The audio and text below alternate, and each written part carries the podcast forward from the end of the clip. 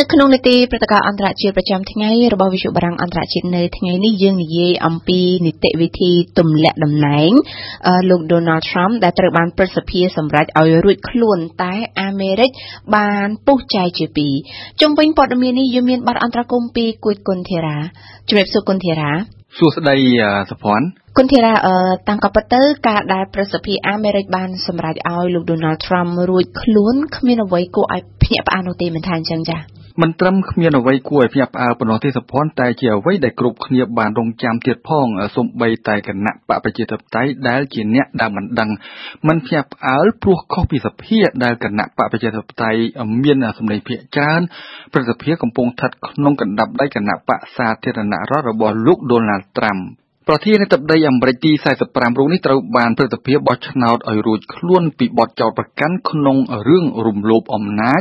ជាមួយនឹង52សម្លេងគាំទ្រលើ100សម្លេងដែលមានសរុបនៅក្នុងព្រឹទ្ធសភាបន្ទាប់មកលោកត្រាំក៏ត្រូវបានព្រឹទ្ធសភាសម្រេចឲ្យរួចខ្លួនពីបទចោទប្រកាន់រារាំងដំណើរការដោយរលូនរបស់សភាដែរជាមួយនឹង53សម្លេងគាំទ្រលើ100សម្លេងគួររំលឹកថារដ្ឋធម្មនុញ្ញអាមេរិកបានតម្រូវឲ្យមានសម្លេងគាំទ្រ2ភាគ3ពល67សម្លេងលើ100សម្លេងនៅព្រឹទ្ធសភាទើបអាចទម្លាក់ប្រធានាធិបតីពីតំណែងបានបច្ចុប្បន្ននៅព្រឹទ្ធសភាដែលមាន100អាសនៈគណៈបក្សសាធារណរដ្ឋរបស់លោកត្រាំមាន53អាសនៈដូច្នេះការរកបាន67សម្លេងដើម្បីទម្លាក់លោកត្រាំពីតំណែងពិតជាពិបាកខ្លាំងណាស់ តែក្នុងចំណោមសមាជិកប្រសិទ្ធភាពមកពីគណៈបក្សសាធារណរដ្ឋទាំង53រូបមានម្នាក់គឺលោកមីតរុំណេបានបោះឆ្នោតប្រឆាំងលោកត្រាំដោយគាំទ្រលើបទចោទប្រកាន់មួយ គឺការរំលោភអំណាច ជំហរមួយនេះបានធ្វើឲ្យលោកមីតរ៉ូមណេក្លាយជាសមាជិកព្រឹទ្ធសភាដំបូងគេនឹងទី1នៅក្នុងប្រវត្តិសាស្ត្រអាមេរិកកាំងដែលបានបោះឆ្នោតទម្លាក់ប្រធានាធិបតីចេញពីគណៈបកខ្លួនឯងសភ័នចាអ្នកដែលមិនសប្បាយចិត្តនឹងការសម្រេចរបស់ព្រឹទ្ធសភាពីនេះគឺគ្មាននរណាក្រៅតែពីគណៈបកប្រជាធិបតេយ្យជាពិសេសប្រធានរដ្ឋសភាលោកស្រី Nancy Pelosi នឹងតែម្ដងបន្ទាប់មកសារព័ត៌មានអាមេរិកភាគច្រើនបាននាំគ្នាចាប់អារម្មណ៍ចំពោះការទម្លាក់តំណែងលោកត្រាំនេះថាมันបានសម្រេចនៅពេលនេះសម្រាប់លោកស្រី Pelosi គុនធីរ៉ាតើលោកត្រាំបន្តជាការគម្រាមកំហែងដែរឬទេចា៎រវាងលោកស្រី Nancy Pelosi និងលោក Donald Trump សុភ័ណ្ឌគឺដូចទឹកនិងប្រេងដែលពិបាកនឹងរលាយចូលគ្នាណាស់ប្រធានាធិបតីនិងពួកអ្នកសាធារណរដ្ឋនៅប្រសិទ្ធភាពបានរំលោភច្បាប់នេះជាការយល់ឃើញរបស់លោកស្រី Nancy Pelosi នៅក្នុងសេចក្តីប្រកាសព័ត៌មានមួយ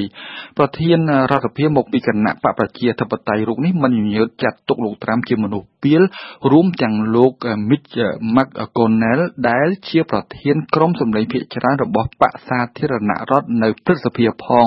តាមលោកស្រី Nancy Pelosi លោកត្រាំបន្តជាការគំរាមកំហែងព្រោះគាត់ព្យាយាមដើម្បីនិយាយពីការអង្គុយលើច្បាប់និងអាចកេងបន្លំនៅក្នុងការបោះឆ្នោតបើរូបគាត់ចង់ធ្វើ គឺរូបប្រធានរដ្ឋសភាដដែលនេះសភ័ណ្ឌដែលបានហែកក្រដាសសន្និកថា ទៅកាន់ប្រជាជាតិរបស់លោកត្រាំក្នុងថ្ងៃម្សិលមិញដែលលោកស្រីកំពុងឈរនៅពីក្រោយលោកត្រាំនៅលើវេទិកា ចំណែកសារព័ត៌មានអាមេរិកទូទៅវិញសភ័ណ្ឌគេនាំគ្នាទាញមេរៀនចេញពីបរាជ័យនៃនីតិវិធីទម្លាក់លោកត្រាំពីតំណែងដែលលើទីបំផុត បានញែកគណៈបកនយោបាយធំទាំងពីរគឺគណៈបកប្រជាធិបតេយ្យនិងគណៈបកសាធារណរដ្ឋឲ្យឃ្លាតគ្នាកាន់តែឆ្ងាយថែមទៀតគឺឆ្ងាយជាងនីតិវិធីទម្លាក់ប្រធានាធិបតីលោក Bill Clinton មិនបានសម្រេចក្នុងឆ្នាំ1999សោកនាដកម្មនៃនីតិវិធីទម្លាក់លោកត្រាំមិនបានសម្រេចបានបន្សល់ទុកស្នាមរបួសដល់អិសរាជជនសំខាន់ទាំងពីរគឺលោកត្រាំនិងលោកស្រី Pelosi ដែលមិនអាចធ្វើការជាមួយគ្នាបាននេះជាការយល់ឃើញរបស់កាសែត Wall Street Journal ចំណែកកាសែត Los Angeles Times បញ្ជាក់ថា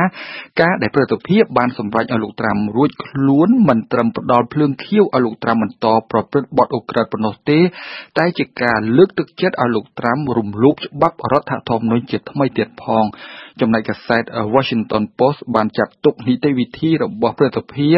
ថាមានលក្ខណៈនយោបាយអសុទ្ធសាធនយោបាយព្រោះសមាជិកព្រឹទ្ធសភាមកពីគណៈបកសាធារណរដ្ឋចង់គិតគូរពីអនាគតនយោបាយរបស់បកខ្លួនសុភ័ណ្ឌ អឺចាអ្វីដែលជាការកត់សម្គាល់លោកត្រាំដែលជាប្រធានាធិបតីអាមេរិកទី3បានរួចផុតពីការទម្លាក់តំណែង